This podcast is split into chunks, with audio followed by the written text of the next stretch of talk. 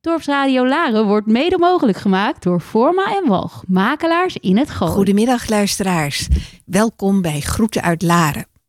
Heeft u ook zo genoten van Koningsdag gisteren?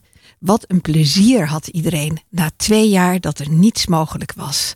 En wat moeten wij blij zijn dat onze wieg in Nederland stond en we dit ook kunnen doen.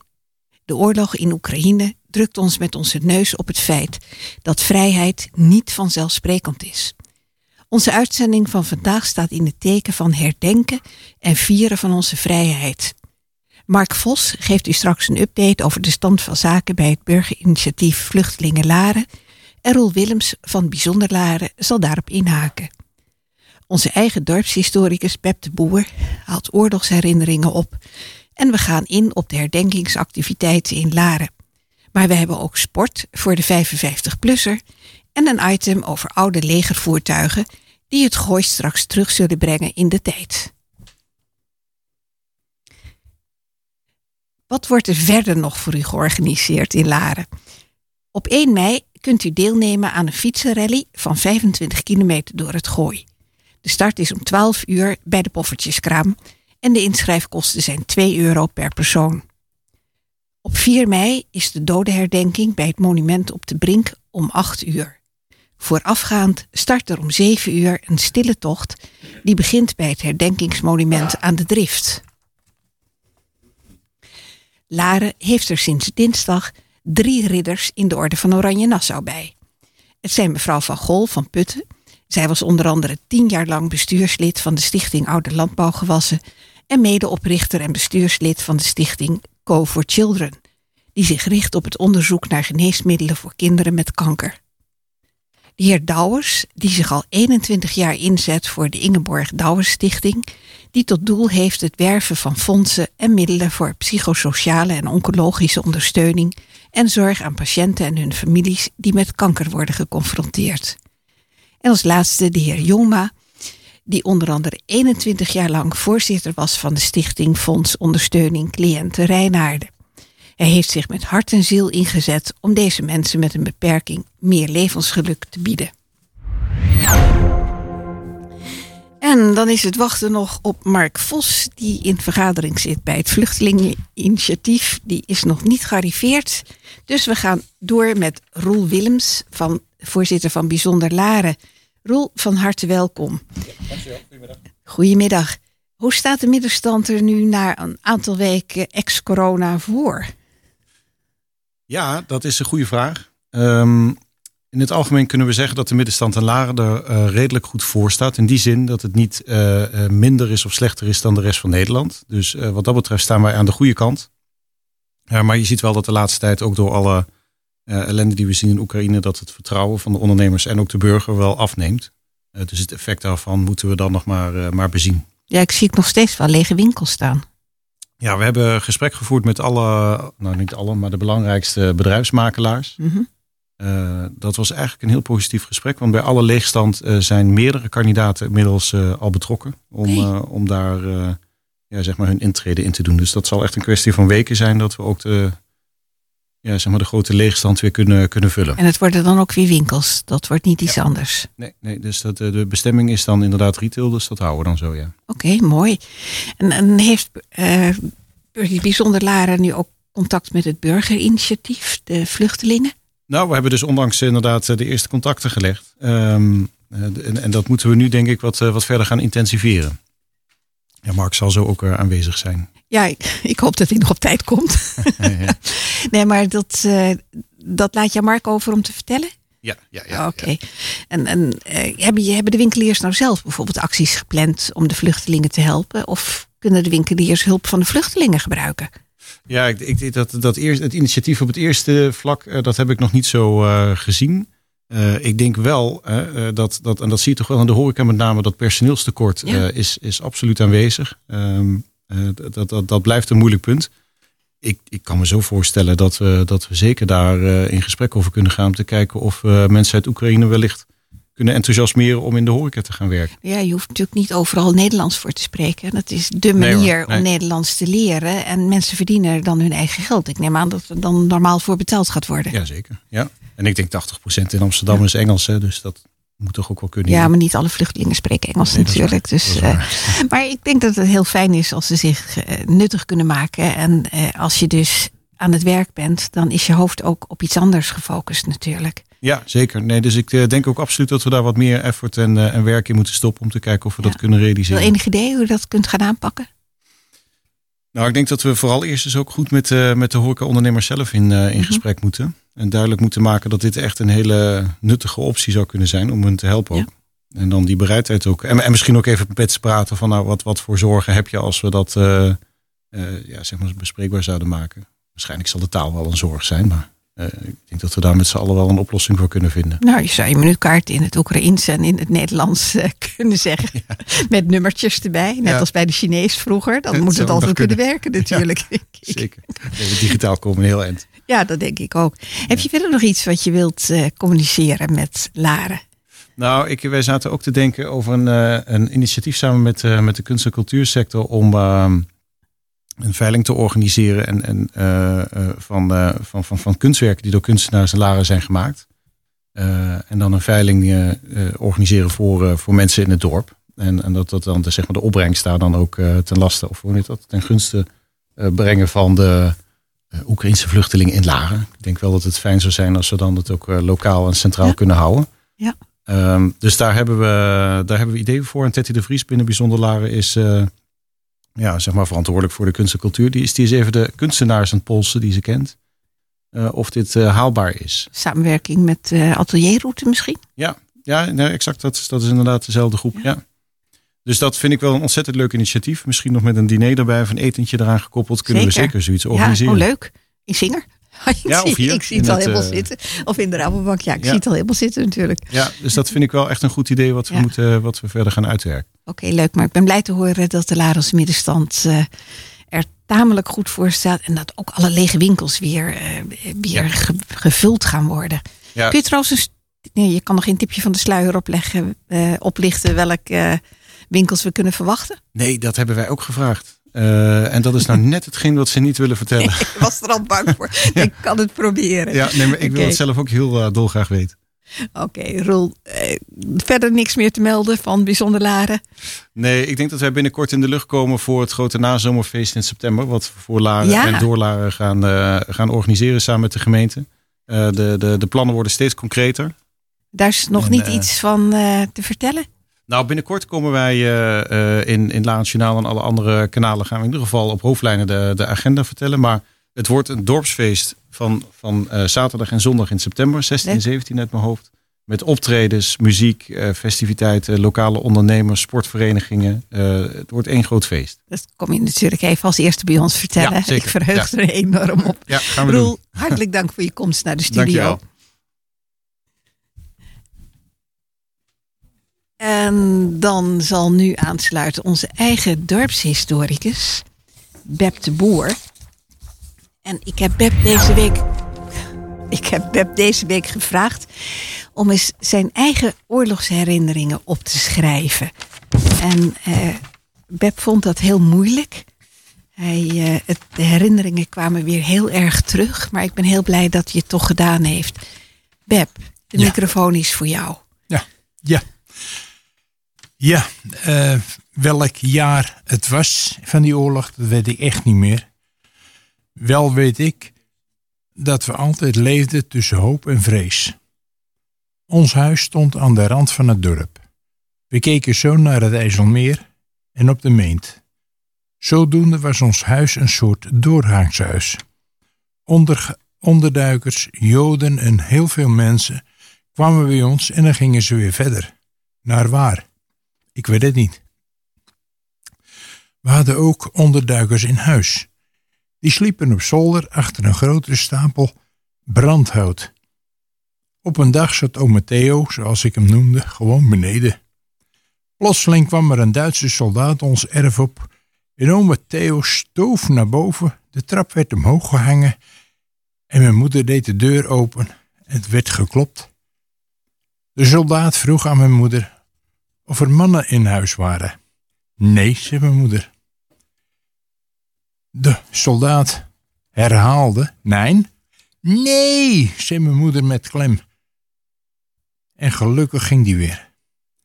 Dat waren die zenuwenmomenten. Die angst die er altijd maar was. Gelukkig waren er ook mooie momenten. Mijn ouders luisterden onder andere naar de Radio Oranje. Dat was een oude radio die gewoon in de kachel zat. Op een bepaalde tijd werd hij eruit gehaald en er zaten de grote mensen rond de kachel te luisteren.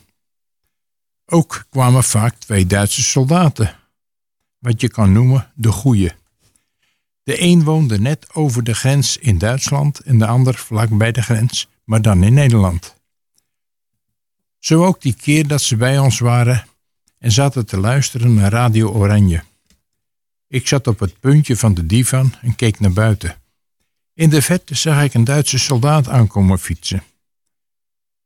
Toen hij dichterbij kwam, zag ik dat hij witte, witte sokken had. Dus ik zeg zo in het algemeen, wat gek, een soldaat met witte sokken. Hierop sprongen de twee soldaten op, keken naar buiten en zagen de Oberführer of hoe zo'n man ook heette. Ze stonden, ze stormden de deur uit, pakten de fiets en gingen er vandoor. Die hoge vuurder die kwam gewoon bij ons door de tuin wandelen, keek even naar binnen en ging weer verder. De zenuwen kon je voelen. Later op de avond werd er op de voordeur geklopt. Daar stonden de twee vrienden weer. Ze waren door de schrik zomaar weggerend, maar waren hun geweer vergeten. Die stonden nog in de keuken naast het aanrecht. We hebben toen wel moeten lachen. Dat waren van die kleine momentjes waar je, waar je plezier om kon hebben. Maar die waren er te weinig. Helaas wel. Het heeft een diepe indruk op jou gemaakt. Hè?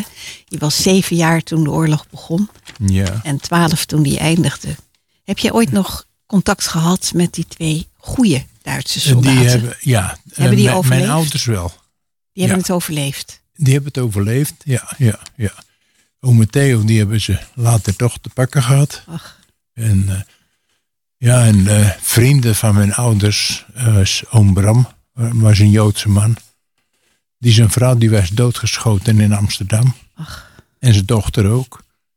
En, Waar die bij was? maar ja, ze, ze kwamen de deur uit en het was eh, helemaal mis. En oom Bram die is doorgevoerd ergens naartoe, ik weet niet waar. We hebben hem nooit meer gezien. Ach jee. Ja. Ja, dat zijn hele nare herinneringen. Dat komt bij jou ook altijd weer terug, hè? Op, eh, op, op 4 Al die mei. dingen. En Ja. vooral nu. De Oekraïnse vluchtelingen Och. maken het erger. Ja, ja, ja, ja. Ik kan me- Je, je draait het terug. Het is heel raar. Het is, eh, als je dat allemaal hoort en, en ziet, dan eh, denk je, oh, god, dat was zus en dat was zo. Het is bijna herkenning hè, van wat daar gebeurt. Mm, en al die ja. oorlogsmisdaden die daar gebeuren. Ik kan me voorstellen als je de oorlog meegemaakt hebt en iets dergelijks zelf gezien hebt Mm, of ja, van ja. nabij meegemaakt hebt, dat je dan wel eens denkt van oh, ik zet die televisie uit, want eh, ik kan er eigenlijk niet meer tegen. Ja, we Dat zaten is- met ons neus bovenop het, eh, het hele gebeuren wat die, die Duitsers deden. Het is eigenlijk onvoorstelbaar dat zich dat nu weer herhaalt, 80 jaar later. Ja, ja, ja, ja. Erg genoeg. Erg genoeg, inderdaad. Ik hoop dat je ook nog een beetje van 4 mei kunt, eh, van 5 mei kunt eh, genieten, Beb. Vast, vast wel. vast wel. Dank je wel dat je dit met ons hebt willen delen. Oké. Ik volgende keer graag weer een leuk verhaal over uh, Laren. Gaan we weer lachen. weer bij de kop. Ja hoor.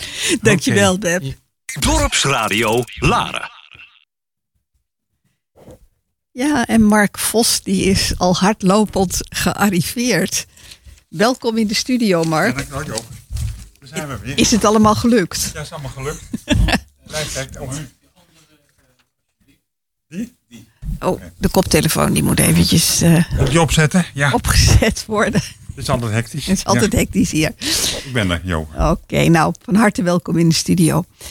Ehm, ik was vorige week in de basiliek waar een paasdienst werd gehouden voor de Oekraïners. En dat was precies dus ons paasfeest en het Oekraïense paasfeest in, wat een week later gehouden wordt. En ik vond het ontroerend. Behalve natuurlijk eh, veel Oekraïners, zaten er ook veel Nederlanders Ja. in, eh, in de kerk. Ja. En door een tolk was de dienst voor iedereen heel goed te volgen. Dat was perfect geregeld. Maar met name het laatste lied trof mij. Omdat het mij, ook zeker in deze tijd, ook deed denken aan onze eigen Tweede Wereldoorlog. Ja, Die heb ik niet zelf meegemaakt, maar ik ken de verhalen van, van mijn man en van mijn ouders. En eh, het trof me gewoon dat men er na 80 jaar nog steeds niets van geleerd Nee, heeft. helemaal niks. En ik eh, zou eigenlijk de luisteraars eh, daarin even willen meenemen door de laatste twee strofen te vertellen. Komen ooit, voeten gevleugeld, mij melden de vrede. Daalt over de smeulende aarde de dauw van de vrede. Wordt ooit gehoord uit mensenmonden dat woord. Wij zullen rusten in vrede. Dan zal ik huilen en lachen en drinken en slapen. Dromen van vluchten en doden en huiverend ontwaken. Maar niemand vlucht, nergens alarm in de lucht. Overal vrede geschapen. Ik denk dat dit goed de gevoelens verwoordt van de huidige vluchtelingen, maar ook van de Joden en andere vluchtelingen meer dan 80 jaar geleden. Absoluut. Ja hoor, dat was ook zo. En wij zagen aan de Oekraïners in de kerk, eh, we maken ze ook buiten de kerk mee. eh, en dan vertellen ze de verhalen. eh, de eerste groep, die hebben nog niet heel erg veel bombardementen meegemaakt. Maar de tweede groep die nu binnenkomt, komt uit Mariupol. En dan zie je echt eh, die ellende binnenkomen. Maar in de kerk kregen ze de plek om de emotie de vrije hand te laten lopen. En dat was echt indrukwekkend. Of je gelooft of niet gelooft, Dat deed er niet deed toe. er niet toe. Het was de Nee, plek waar de, waar de ruimte geschapen werd. Ja. En, en de mensen wilden ook niet weg. Het heeft drie kwartier geduurd. Eh, om half negen, eh, kwart voor negen waren ze nog in de kerk. Ze dat konden geen afscheid nemen. Nee, ik heb ook Nee. met eh, mensen staan praten, met hun kleine kinderen. En dat vond ik ook het leuke. Alle kinderen waren erbij. Er liep gewoon iemand rond met Ja. een klein kind die, die een beetje aan het huilen was. En toen dacht ik, zo, zo moet het ook eigenlijk Zo met moet de elkaar. kerk zijn, hè? Zo, zo moet de kerk zijn met elkaar. Maar de orthodoxe kerk heeft geen zitplaatsen. Nee, dat klopt. dus ze lopen daar gewoon twee uur staan ze voor een viering in die Ja. kerk. Nou, wij hebben allemaal mooie banken in de kerk. Dus zij, ze bleven eigenlijk in het middenpad staan en liepen naar voren om die kaars aan te steken. Ja. Ze probeerden een beetje een eigen huis te creëren. En wij wilden dat ook graag, een orthodoxe viering organiseren. Maar het probleem is, je weet niet welke voorganger je krijgt. Is hij voor Rusland of is hij voor Oekraïne? Dus of toen, vandaar. vandaar dat we toen gekozen hebben, we doen het ertussenin met de lokale voorgangers. Juist, want daar het waren, was, waren ze heel blij mee. het was een dominee en een priester die, dominee eh, die en, er waren. en de pastoor, Ja. die waren- gingen voor. Ja. Maar die teksten waren wel heel goed uitgezocht. En we hebben. Utrechts Byzantijnse koor gevraagd Ja. met ons mee te doen. ja, die zongen geweldig. Fantastisch. Ze passen helemaal in de sfeer Ja, van de ja. kerk. En, Komt er een vervolg? Ja, eh tweede helft van dit jaar. Want we moeten nu echt alle zeilen bijzetten om het onderwijs van de grond te trekken. Want- Vertel, geef eens een update over de stand van Nou, zaken. eh, we hebben in huis een kampervoedingschool. En daar gaan de leerlingen voor het basisonderwijs naartoe. Die zit al vol. Eh, en dan kunnen ze aansluiten bij de lokale scholen. Die zitten allemaal vol. Dus het, het begint nu te stagneren. We hebben nu vakantie. Maar ze moeten eigenlijk de Nederlandse taal leren. ja. Dus eh proberen in overleg met de gemeente eh, taalklassen te organiseren. Dat ze in ieder geval het Nederlands leren. En dat ze na deze vakantie toch naar de scholen gaan. Of dat er scholen gecreëerd worden. Eh, of lokale. Dus we hebben een aantal adressen opgegeven waar lokalen gemaakt kunnen worden. En we hebben ook vier leerkrachten die het willen gaan doen. En ik kom net uit het overleg met de wethouder Den Dungen. En we willen toch voor de grote vakantie versneld het onderwijs eh, georganiseerd hebben. En dat, dat, is wel een probleem hoor. Eh, want als ze niet naar het onderwijs gaan, doen ze in deze samenleving niet mee. nee, dat klopt. Maar dat geldt natuurlijk ook voor de moeders die meegekomen zijn. Ja. Hè? Ik suggereerde net eh, eigenlijk aan Roel al. Van de, de horeca hier ook in Laren, die heeft een personeelstekort. Ja. Maar ze moeten wel Engels spreken. dat hoeft niet. Nou, dat vond- Niet, niet altijd, nee. Ja. Als je, ik suggereer al van als je je menukaart eh, ook in het Oekraïens eh, vertaalt. Ja, Met, met nummertjes erbij. En het is de manier om Nederlands te leren. Om eh, je te mengen onder de Nederlanders. En ook om je mindset een beetje weg te zetten. En het wordt ook nog normaal betaald.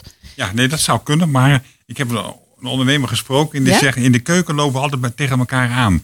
En dan, eh, omdat het druk is. eh, en dan hebben we al de korte woorden nodig om te zeggen wat je wil. Oh, cijfertjes. Ja, ja, Net als bij de dat Chinees. vonden ze toch, Minuutje drie. ze vonden het toch ingewikkeld. Eh, ze moeten echt iets Engels spreken. Maar goed, dan moeten we ze helpen daar naartoe te gaan. Ja, tuurlijk. Ja, dus, eh, Nou, misschien, misschien maar we hebben in ieder geval ook twee, je zit nu in, in het internationaal onderwijs. Geven daar nu les. Dus het begint wel te komen, maar we hebben nog een lange weg te gaan. En ik denk dat we over twee jaar is het nog lang niet voorbij hoor. Dus Jij echt- denkt dat de mensen hier toch wel langer eh, zullen Ja. blijven. Ja, zeker uit Mariupol, want die kunnen gewoon niet terug. Er is niks er meer. is helemaal niks meer. En als je ziet eh, in, in het laar wat daar dan binnenkomt, is echt treurig. Wat een verdriet. En wat een ellende. Ja. Met helemaal niks, plastic zakken. Eh, ze komen via Utrecht dan binnen. En het gaat echt als volgt. Laren geeft dan op, we hebben nu ruimte voor 20 vluchtelingen. En dan staan ze in Utrecht te tellen. 1, 2, 3, 4, Oh, echt? Nou, 20 gaan dan naar Laren. Ze kennen elkaar helemaal niet. En dan is het in Laren zo, in het Laren, dan eh, komen ze in die ruimte en dan kijken we wie kan goed met elkaar overweg. Match dat een beetje. En als ze die match hebben na een paar dagen, dan worden ze uitgeplaatst naar de woningen. Oké. Want er hebben zijn natuurlijk ook nu, eh, ik hoorde gisteren iets van zeven woningen inmiddels al. Hè? zes zijn er. Zes? Dus ze hebben vier woningen zijn nu bewoond. Eh, en er is dus een, een vijfde woning. En de buren hiernaast, dat boerderijtje, dat krijgen we 9 Nee. mei. Nou krijgen we niet, maar het komt ter beschikking. En dat loopt precies parallel met de Rabobank. want Die gaan we nu ook op 9 mei inrichten voor de Oekraïnse op. Oh, dat is ook al heel snel Ook natuurlijk. wel heel snel. Ja. Dus eh, dat loopt parallel. Dus we willen eigenlijk eh, dat we 70 vluchtelingen hebben in de woningen. En 70 in de Rabobank. Dan zitten we op 140, 150. En dat is wel een beetje... Dat is voor Larelse begrippen toch best wel heel veel. Dat is heel veel. En daar zitten nauwelijks mannen bij natuurlijk. Hè? Ze zijn er wel. Maar wij gaan, gaan die vragen niet stellen. Ze zijn door de grens gekomen eh, en in Nederland getoetst. En ze komen Laren binnen. Ja, ik ga die vraag niet stellen. Wat Nee, doet wat, wat ik eigenlijk bedoel, je zijn komt, je komt als vrouw met je kinderen, Ja. kom je in een wildvreemd land, je komt in een betrekkelijk kleine ruimte waar je een leven op moet bouwen. En eh, ik denk ook, als ik alleenstaand zou zijn, ik heb die mannen nodig om de spijkers in de muur te slaan of de, de wasmachine te repareren of zoiets. Nee, maar hier niet. De mannen moeten vechten in Oekraïne. Jawel, maar ik bedoel, daar sta je dus als vrouw met, Alleen je, voor. met je kleine kind alleen voor. Dus ik denk dat, hoop dat er dan ook nog genoeg mannen in Laren zijn die eh, als klusjesman kunnen fungeren, Ja. bij wijze van spreken. We hebben in ons bestand vrijwilligers die dat kunnen. Kijk, heel En mooi. we hebben inmiddels een paar eh, mooie foto's en tekeningen gekregen om op te hangen in de Rabobank. Dus we gaan echt vrijwilligers oproepen om ze keurig op te hangen. Oké, Dat leuk. het gezellig wordt. leuk. Dus dat moet ook, je moet er ook, je moet echt ook gewoon gastvrij zijn. Ja. En, die- en die Rabobank gaat het echt doen. Hoe is het met de financiering? Gaat het lukken? Dat gaat lukken. Eh, tot op heden zijn er steeds mensen die zeggen: Mark, ik doe een half jaar mee. En als je tekort komt, bel dan nog maar even. Maar je moet ze wel gericht benaderen. Ja. Het is niet zo, je stuurt een brief en je krijgt het bedrag overgemaakt. Dus je, moet, je gaat contact zoeken, je gaat het uitleggen. We nemen de cijfers mee. En dan, en dan doen ze mee. Voor Hoe, hoe is het met de gemeente?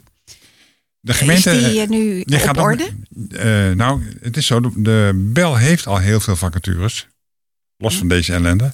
Eh, en dan krijgen de vluchtelingen. En dan moeten een aantal ambtenaren van de Bel alle spullen laten vallen en meedoen met de vluchtelingen. Ja, dat is wel even. Dat is een dingetje. Dat kost tijd. Hoe gaan we het aanvliegen? Wie doet nu wat? En dat is wel een hele goede raadsinformatiebrief. Er staat precies in wie nu wat doet. Maar het kwartje moet echt nog wel vallen. We leren van elkaar. Ook wij moeten leren. Eh, we hebben het ook nog nooit gedaan. Nee, want er moet natuurlijk geld vrijgemaakt worden. Ja. Dus ze moeten een, een burgerservice nummer kijken. De, de huisartsen moeten meewerken. Ja, nou ze krijgen dus, dat? ze- dus krijgen ze een burgerservice nummer en dan gaan ze een bankrekening aanvragen. En dat duurt drie tot vier weken. Dan hebben dus geen geld.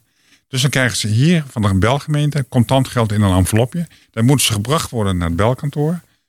Eh daar moeten ze voor tekenen en dan brengen wij ze weer terug. Eh, Wij gaan ook 60 jaar terug in de nee, tijd. ja, maar ze ik heb ooit mijn loonstrookje nog Ja. in een envelopje maar, gekregen. maar ze moeten wel kunnen leven natuurlijk. Ja, ze hebben zo. dat geld nodig. Ja. En als ze geld hebben, zijn ze ook veel zelfstandiger. Eh, Ja, je Wat kan we wel doen, boodschappen doen. kan je en, boodschappen eh, doen. Ja, En wat we doen bij die huizen, we zorgen zodra ze binnenkomen, dat die ijskast vol is, dat alle boodschappen voor de, de komende vijf dagen gedaan zijn.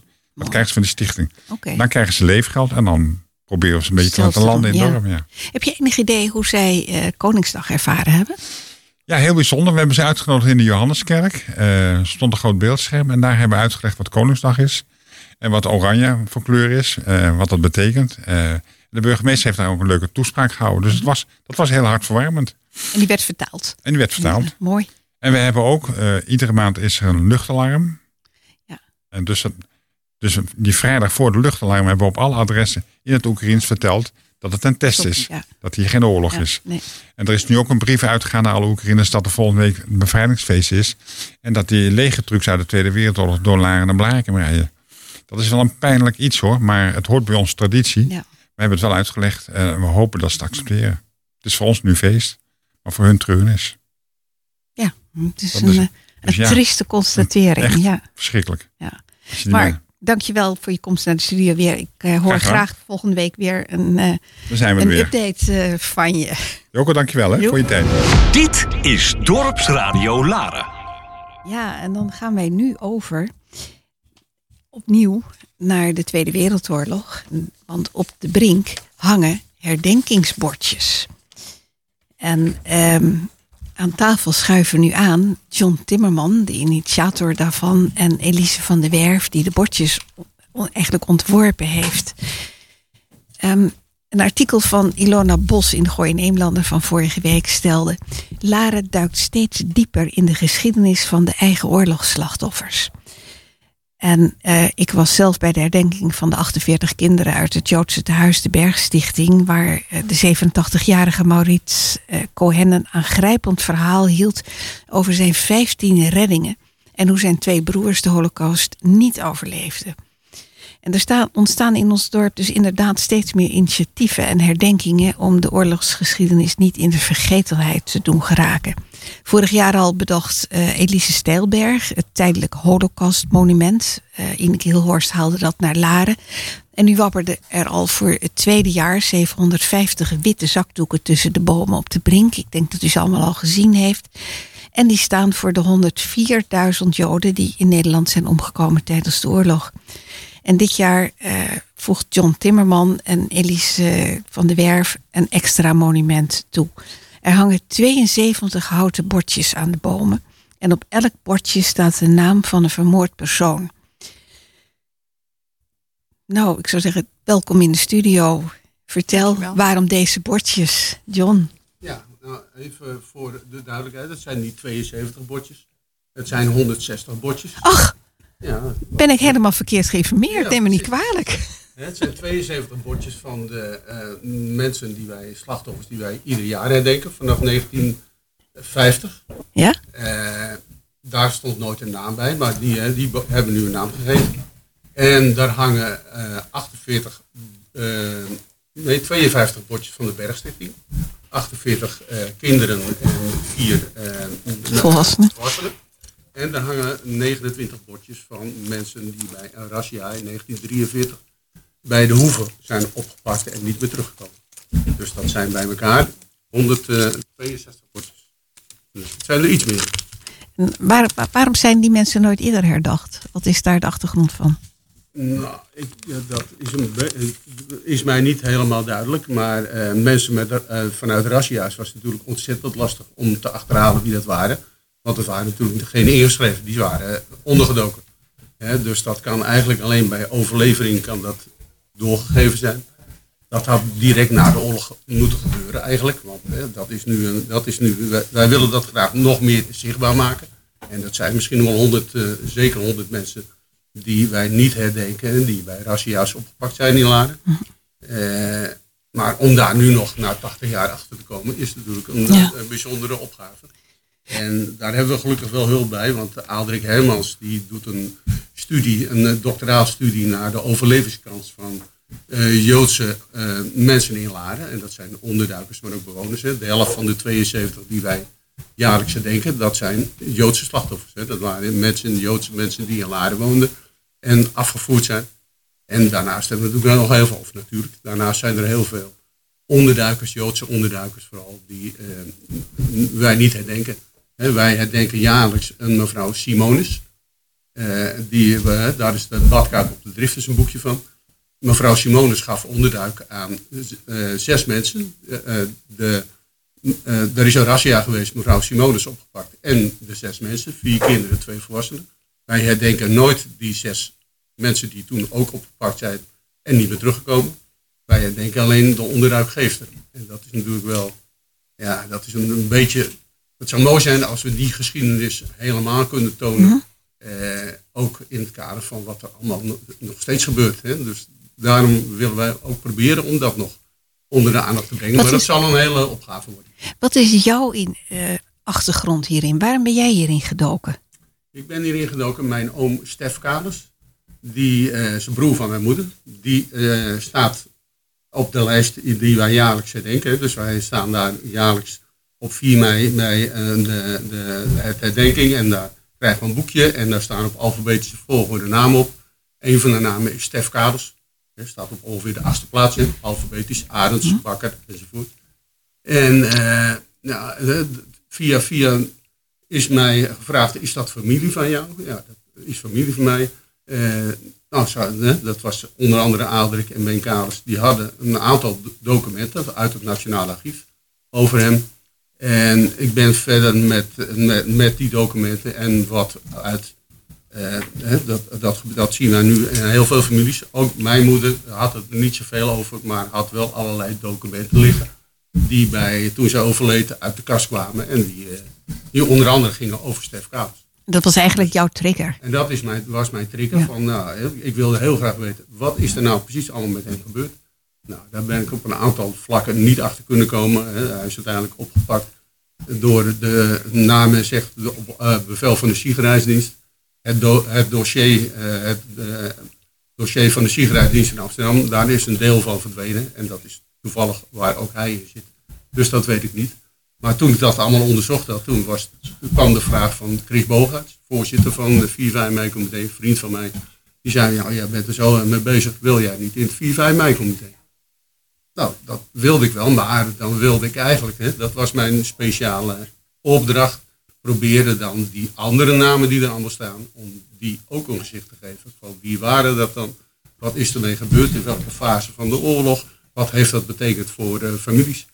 En eh, nou, daar, eh, daar zijn we redelijk ver mee gekomen, maar nog lang niet compleet.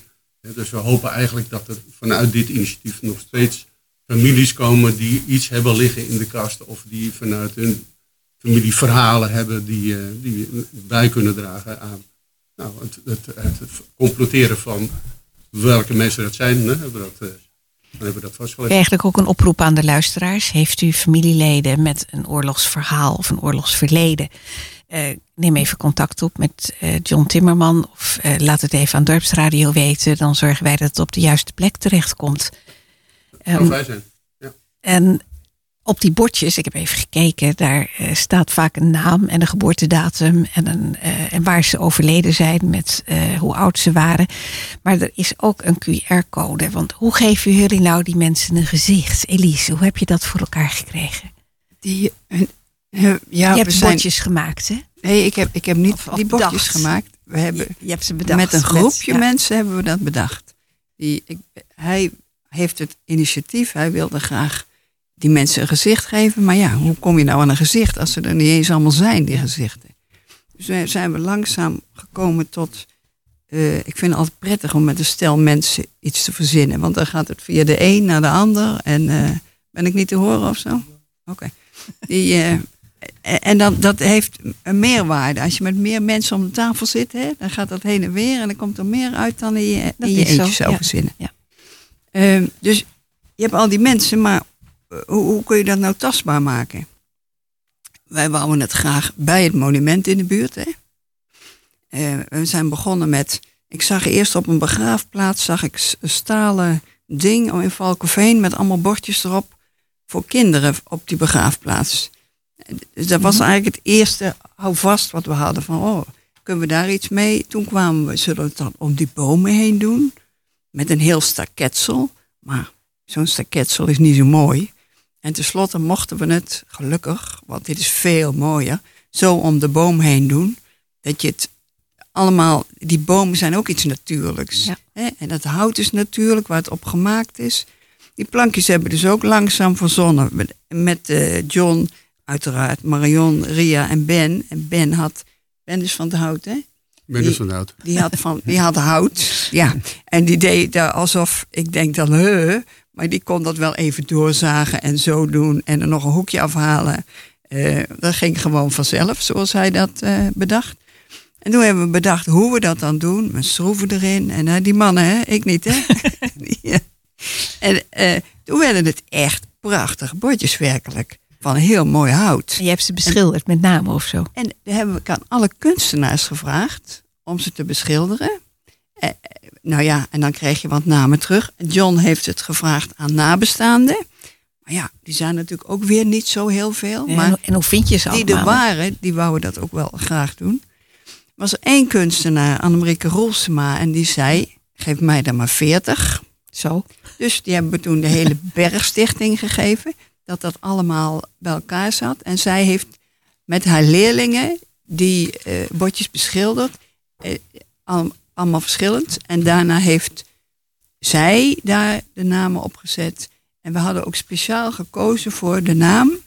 En, en de overlijdingsdatum en waar. Dat waren dan eisen. Want zo'n zo'n eh, leeftijd, Ja, dat zegt iets. dat zegt iets. Dat zegt iets. Dat zegt meer dan Ja. ik ben geboren in 21 en doodgegaan in Precies. 42. Maar als er onder staat van, ik Ja. ben vier, ik Ja. was vier jaar of acht Dat- jaar. En, maakt en gewoon de indruk. plaats is Auschwitz bijvoorbeeld. Ja. Dat geeft dus- een ander dus- verhaal. ja. Ja. Dus toen hebben we dat eh, uitgedeeld en tot onze verbazing ging het hartstikke snel. Hè? Er kwamen heel veel eh, reacties. We dachten eerst dat we daar moeite voor moesten doen, maar het ging heel makkelijk. Die, de overbuurvrouw en zo, hè? iedereen Ja. wou wel een bordje doen. Geweldig. En eh, ja, eh, En dan is er ook nog een QR-code. Op elke boom hangt een wit bordje met een QR-code. En wat gebeurt er nou als je die QR-code downloadt op je telefoon? Je kom leest hem in op je telefoon, dan kom je op een website, kun je de klikken. En website van de er? herinneringsbomen. En daar kun je al die mensen, je kunt het bordje vinden gewoon, het bordje zie je Ja. staan. En alle informatie die wij ook hebben. Meer informatie is er niet. Komt er misschien nog, hè, als er mensen reageren op jouw oproepje van net. Van, hè, dan kan er nog meer bijgezet worden. Die, En eh, dat wordt ook dan bijgehouden ergens. Hebben jullie? dat gaat John eh, doen. Ja, zeker. zeker. En, nou ja, wat, eh, wat Elise vertelt, dat, eh, eh, dat klopt. Hè. Dus op een gegeven moment, eh, ik deelde de naam uit. Ik had de namen. En ik heb een, een behoorlijk bestand met van ieder persoon allerlei gegevens. Veel meer dan nog op, dit, eh, op, op de website staan. En die persoon die iets wilde maken, die kreeg de naam en die kreeg dat enorme bestand van mij. En die kon dan na gaan denken, eh, als het, als het be- na, nabestaande familie was, dan was het vrij makkelijk. Alhoewel die ook niet alle gegevens hadden. Maar eh, voor de anderen konden ze zich inleven in de naam en dan kijken of ze daar wat eh, speciaals voor konden maken. En dat is, dat is wel behoorlijk goed gebeurd. Ja, en die QR-codes, dus wij hebben al die gegevens hebben we in een database gestopt. Met name, hè, want het was de vraag van, joh, joh, als je dat nou allemaal weet, wat ga je ermee doen? Ga je een boek maken of ga je... Ik vind dit, zoals we het nu gedaan hebben, enorm mooi. Want we hebben nu een website waar al die verhalen op staan. Die kan je met QR-codes, maar je kan ook gewoon thuis herinneringsbomenlaren.nl en dan kom je op die website. En daar kan je dan de verhalen zien. Maar wij noemen het eigenlijk een levend document, een levend verhaal. Want wij hopen het eigenlijk nog veel verder te complementeren. Net, net wat we al zeiden. Eh, want als je boek maakt, nou ja, dan maak je boek. En eh, als er fouten in zitten of aanvullingen, dan moet je op de tweede druk wachten. Nou, boeken zeg maar over dit soort onderwerpen, daar komt nooit een tweede druk in een dorp als Laren. hè. Er zijn niet nog een keer 500 mensen die zo'n boek gaan kopen. Dus dat is dan eigenlijk een document wat ja, dood, dood geworden is. Hè. En dit willen we graag een levend document. Een hele jaren moderne door manier. En eh, wat mij triggert als ik naar die bordjes kijk. En dan sta ik bij een boom en dan lees ik een naam en dan staat eronder vier jaar. En daarnaast staan de ouders bijvoorbeeld. En dan ga ik naar die QR-code en dan denk ik, ik wil dat verhaal eruit lezen. Dat is hetgene wat triggers. Hè? Du moment dat je daar bent, wil je dat verhaal lezen. Dus ik denk eigenlijk dat het een hele mm, moderne, mooie vorm is om, eh, om mensen te, eh, te herdenken eigenlijk. Ja, dat denk ik ook. Ja. En ik Nou ja, vond ook, Oh, Ze komen volgend jaar weer opnieuw te hangen, neem ik aan. Jullie kunnen ze van de bomen afhalen, Ja, zeker, opslaan. zeker, zeker. En, eh, ze En- zijn ook weer bestendig. Ja, Dat vroeg ik me even heel af. erg grondig afgelakt. Ja, ja. Nou goed, wat, wat opvalt in, als je de, duikt in deze 72 namen, dan duik je ook eigenlijk in de geschiedenis, de, de, de, de wereldoorlog. Want er zijn, we hebben twee mensen die zijn overleden op de eerste dagen van eh, de, de, de, de strijd, hè, op, in, in de meidagen 1940.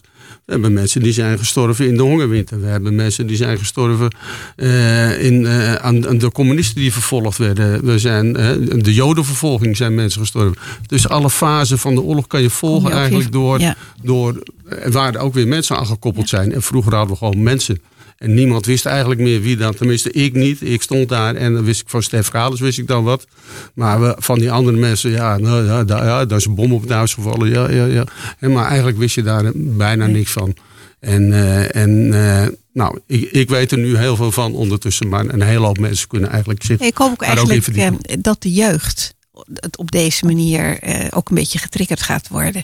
Want eh, om die oude verhalen van die oude mensen allemaal en zo. Maar ja, nu met de Oekraïne zitten we weer in exact hetzelfde verhaal. Weliswaar niet bij ons thuis, maar een stukje verderop. Ja. En eh, ik, ik hoop dat ze dan ook een beetje getriggerd worden van... ja, laten we er nou maar eens wat van leren. Ook, Ja. ook. Maar ook, zeg maar, er lopen eh, grootouders met kinderen Ja. en van acht jaar en die lopen langs je bordjes. Die zien ook een kind van acht jaar en van negen jaar op zo'n bordje staan. Ja, en dan kun En je dus, het eh, verhaal daarachter lezen van wat is er gebeurd. Precies. Ja, ik vind het een geweldig initiatief, mensen. Heel hartelijk dank dat jullie dit eh, vandaag eh, voor ons wilden komen vertellen. Dankjewel dat wij het mochten vertellen. En dan eh, schuift Berry Pronk aan, want mm, John Timmerman die is van alle markten thuis. Welkom Berry. En ehm, ja, de derde helft. ik kreeg ook een uitnodiging. Ik was in de hemelsnaam de derde helft. Even de koptelefoon op. En Ja, ik heb hem. Kun je me verstaan? Ja, Ja, kan je verstaan. mooi. Eh, ja, wat is de derde helft? Vertel Nou, het ik eens. heb het vandaag nog eens even nagevraagd. De Ouderenfonds is degene die echt alles geïnitieerd heeft. In het hele land. En wij hebben het opgepakt hier in Laren. Het is in het hele land. Het is in het hele land. Oké. Ja. En eh, het draait er eigenlijk om dat mensen in die derde helft een stukje gezelligheid zoeken. En elkaar ontmoeten.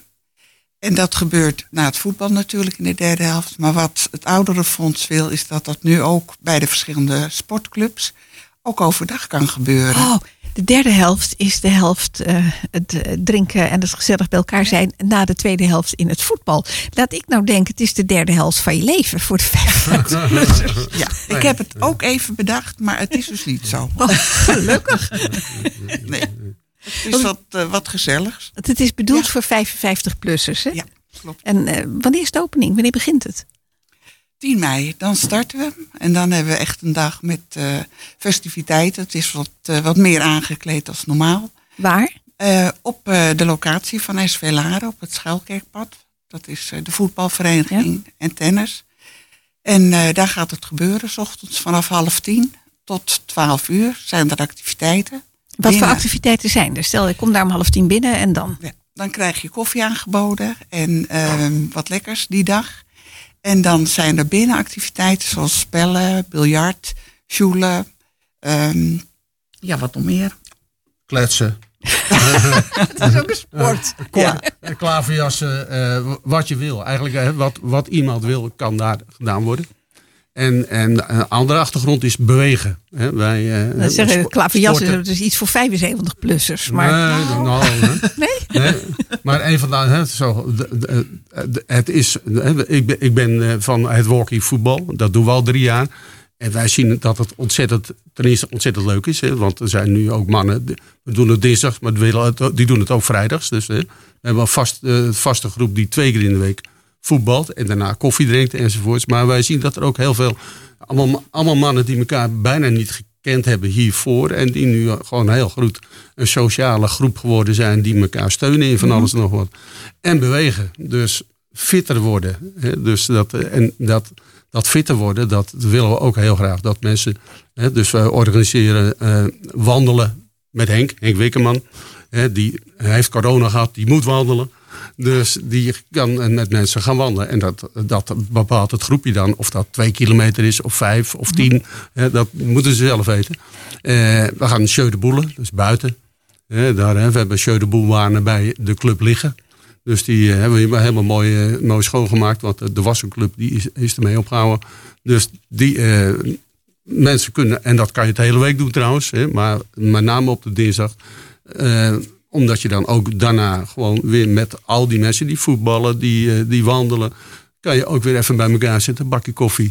En, eh, en eh, in de toekomst kunnen, we ook, kunnen mensen, als ze willen, lunchen tussen 12 en 1. Moet je opgeven. Kost natuurlijk wat. Maar hè, dus het, het, het, is een sociaal gebeuren. Dat is eigenlijk bewegen, sociaal gebeuren, biljarten. Hè, als, je, als, je niet meer kan wandelen, als je niet meer kan voetballen, kan je jeu de boelen. Of kan je wandelen. Als je dat ook niet meer kan, dan kan je nog eh, biljarten. Of eh klaverjassen. Of En als er niks meer kan, als je zelf niet echt actief kunt zijn, is het natuurlijk ook heel leuk om in een omgeving te zijn waar mensen actief zijn. En je Jeu de Boel kijken is ook leuk. En als je daarnaast een kop koffie drinkt eh, met anderen, dat kan ook heel gezellig zijn. Oké, dus eh, elke dinsdag? Elke dinsdag. Van hoe laat tot hoe laat? Half tien is de inloop. Om tien uur gaan we in principe starten. Ehm, op 10 mei, als we dan echt eh, het wat meer aankleden, dan komen de walking voetballers uit Huizen. Die komen spelen. Ehm, de en, erfgooiers. en voetbalsters. Ja, het is eh, van alles. Eh, de erfgooiers die komen spelen zo rond half twaalf onder leiding van Kees Bus. Nou, wat hebben we nog meer? Eh, ja, er zijn gewoon mensen die begeleiden. We hebben de eh Jeu de Boel groep uit Eemnes die nieuwkomers eh, het een en het ander kunnen vertellen over de Jeu de Boel. We hebben ook contact met eh, Bas Bel. Die hebben Oh ja. geïnformeerd. Die zijn ook eh, geïnteresseerd. Dus in de toekomst eh, kunnen we dat verder uitbreiden. De groepjes en de soorten ac- activiteiten moeten zich gaan vormen natuurlijk. hè. Het hangt er vanaf welke mensen komen. En Ja. eh, dat moet zich vanaf 10 mei waarschijnlijk gaan vormen. Van nou, we hebben eigenlijk 50 mensen die, eh, die willen wandelen. Maar we hebben niks voor de Jeu de Boel. Noem maar een dwarsstraat. Nou ja, dat kan, dat kan. En dat is iets, eh, dat gaan we ook eh, vragen aan de mensen waar ze belangstelling voor hebben. Dat doe je op 10 mei. Dat gaat op 10 mei, maar dat vragen we wekelijks aan de mensen die belangstelling tonen. We gaan van de zomer ook door. Dan zal de animo misschien wat minder zijn, maar we zullen er gewoon zijn op dinsdagochtend. Dus op die manier hopen we iets neer te zetten wat voor ouderen, 55-plussers, in Laren en natuurlijk Bladingen. helemaal niet oud. Hè? Nee, maar ja goed, het wordt zo genoemd. En dat is niet alleen voor Laren, maar het is ook voor eh, de inwoners van Blaricum en Eemnes. Oké, het is, echt het is eigenlijk eh, een hele belactiviteit. Oké. Is er nog iets wat jullie kwijt willen? Nou, Versa Welzijn doet ook mee bijvoorbeeld. Hè. Dus Ja, ja. het is Ouderenfonds, Versa Welzijn. eh, de oudere commissie van de SV Laren. Hè, want de oudere commissie. eh, dat is het hè. Wat zijn de kosten eigenlijk als je deelneemt? Als ze binnenkomen en ze gaan deelnemen aan eh, activiteiten en ze krijgen dan ook koffie, betalen ze 2,50. En als ze vervolgens ook mee willen lunchen, betalen ze apart nog 5,50. Nou, wat moet te doen zijn, zou ik zeggen. Voor de meesten moet dat goed te doen Ja. zijn. Ja, Wat, wat doen jullie met de Oekraïners? ze zijn ook welkom. Ja, Maar is daar een speciale actie voor van... eh, Nee, nog niet. we hebben geen Nee. tolken. Dat, eh, nee, dat is... Nou ja, Nee. bewegen kun je voordoen natuurlijk. Ja. Nee, nee. En voor de rest denk ik, als ze gebruik willen maken van tennisbanen, ja, een ander die dit hoort, die kan dat ook aan ze vertellen. Ja. En ze zijn ook welkom. Oké, nou dat is fijn om te horen. Mensen, hartelijk dank voor jullie komst naar de studio. En, eh, Dit is Dorpsradio Laren. Ik heb nog, oh, je hebt al de volle. Ik, ik heb de folder al een beetje gedownload stiekem voor jullie. Dan schuift als laatste vandaag aan Wim Braam. Welkom in de studio. Last minute. Goedemiddag. Goedemiddag. Ik moet hier zitten. Ja, je mag een koptelefoon opdoen als je dat wil. Je was zo last minute dat ik heb heel weinig voorbereid, moet ik zeggen. Het enige wat ik weet is dat jij met oude legervoertuigen het gooien onveilig gaat maken. Vertel. Nou, dat is wel eh deels waar. Alleen eh, er zit een enorme historische eh, lading achter natuurlijk. Want eh 5 mei is geen toevallige datum. In 5 mei, op 5 mei eh, vieren we al jarenlang, sinds, eigenlijk sinds nou, 1945, de bevrijding van ons land. Mhm. Dat ook in Nederland de vrijheid weer terugkwam. En dat we eigenlijk daar nog steeds, ook nu nog, 77 jaar later, elke dag van profiteren. Doordat we eigenlijk kunnen doen en laten wat Ja, we willen. zeker. Zij het dat we ons wel een bepaalde regeltjes, eh, dat we ons een bepaalde regeltjes moeten houden. Maar dan gaat het heel goed met ons land. Oké, maar wat, wat gaat er precies gebeuren? En eh, stel je eens voor, wie, wie is Wim Braam? Hoe kom je hierbij? Ik ben eh, een van de acht vrijwilligers die samen het, eh, eh, de stichting Het Gooi Bevrijd vormen. En we zijn een aantal jaren geleden begonnen met ehm, eh, ja, het, het, het doorzetten waar eh Bussum Bridgehead ooit mee begonnen is. En Bussum Bridgehead organiseerde in, eh, in Bussum één dag een konvooi met Tweede Wereldoorlog voertuigen. Dus daar gingen ze naar de mensen toe. En één dag ehm, de locatie waar ze dus ver, verpoosden, waar ze de, de tenten neerzetten en dergelijke. Daar werden eigenlijk de mensen gevraagd om, om dat te komen bezoeken. Zodat ze zagen hoe het er in de geallieerde legerkampen aan toe ging in, eh, in de jaren 40. Nou, die eh, hebben op een gegeven moment de stekker eruit getrokken wegens gebrek aan eh, enthousiaste vrijwilligers en centjes. En, ja, en dat zou eigenlijk betekenen dat wij voor de 70ste eh, verjaardag van onze bevrijding hier in het Gooi ja, niets zouden, zouden zien wat zou doen herinneren aan die bevrijding. En toen hebben we met z'n vijven de koppen bij elkaar gestoken. En toen hebben we in hele korte tijd hebben we een, een bevrijdingsevenement op poten gezet. Waarmee we eigenlijk gedurende een aantal dagen naar de mensen toe gaan. Dus we gaan met een konvooi, een vrijheidskonvooi van 80 authentieke legervoertuigen uit de Tweede Wereldoorlog. Plus 30 motoren uit diezelfde periode. Ehm, plus nog steeds eh, veteranen, Tweede Wereldoorlog veteranen, die ook op de hoge leeftijd eh, van 98 en 101 nog steeds fit to travel zijn. En uit Amerika en Groot-Brittannië komen om eh, dit met ons te vieren. Ongelooflijk eigenlijk. Want hoe komen jullie aan al die voertuigen? Die voertuigen, dat is eh, allemaal particulier bezit.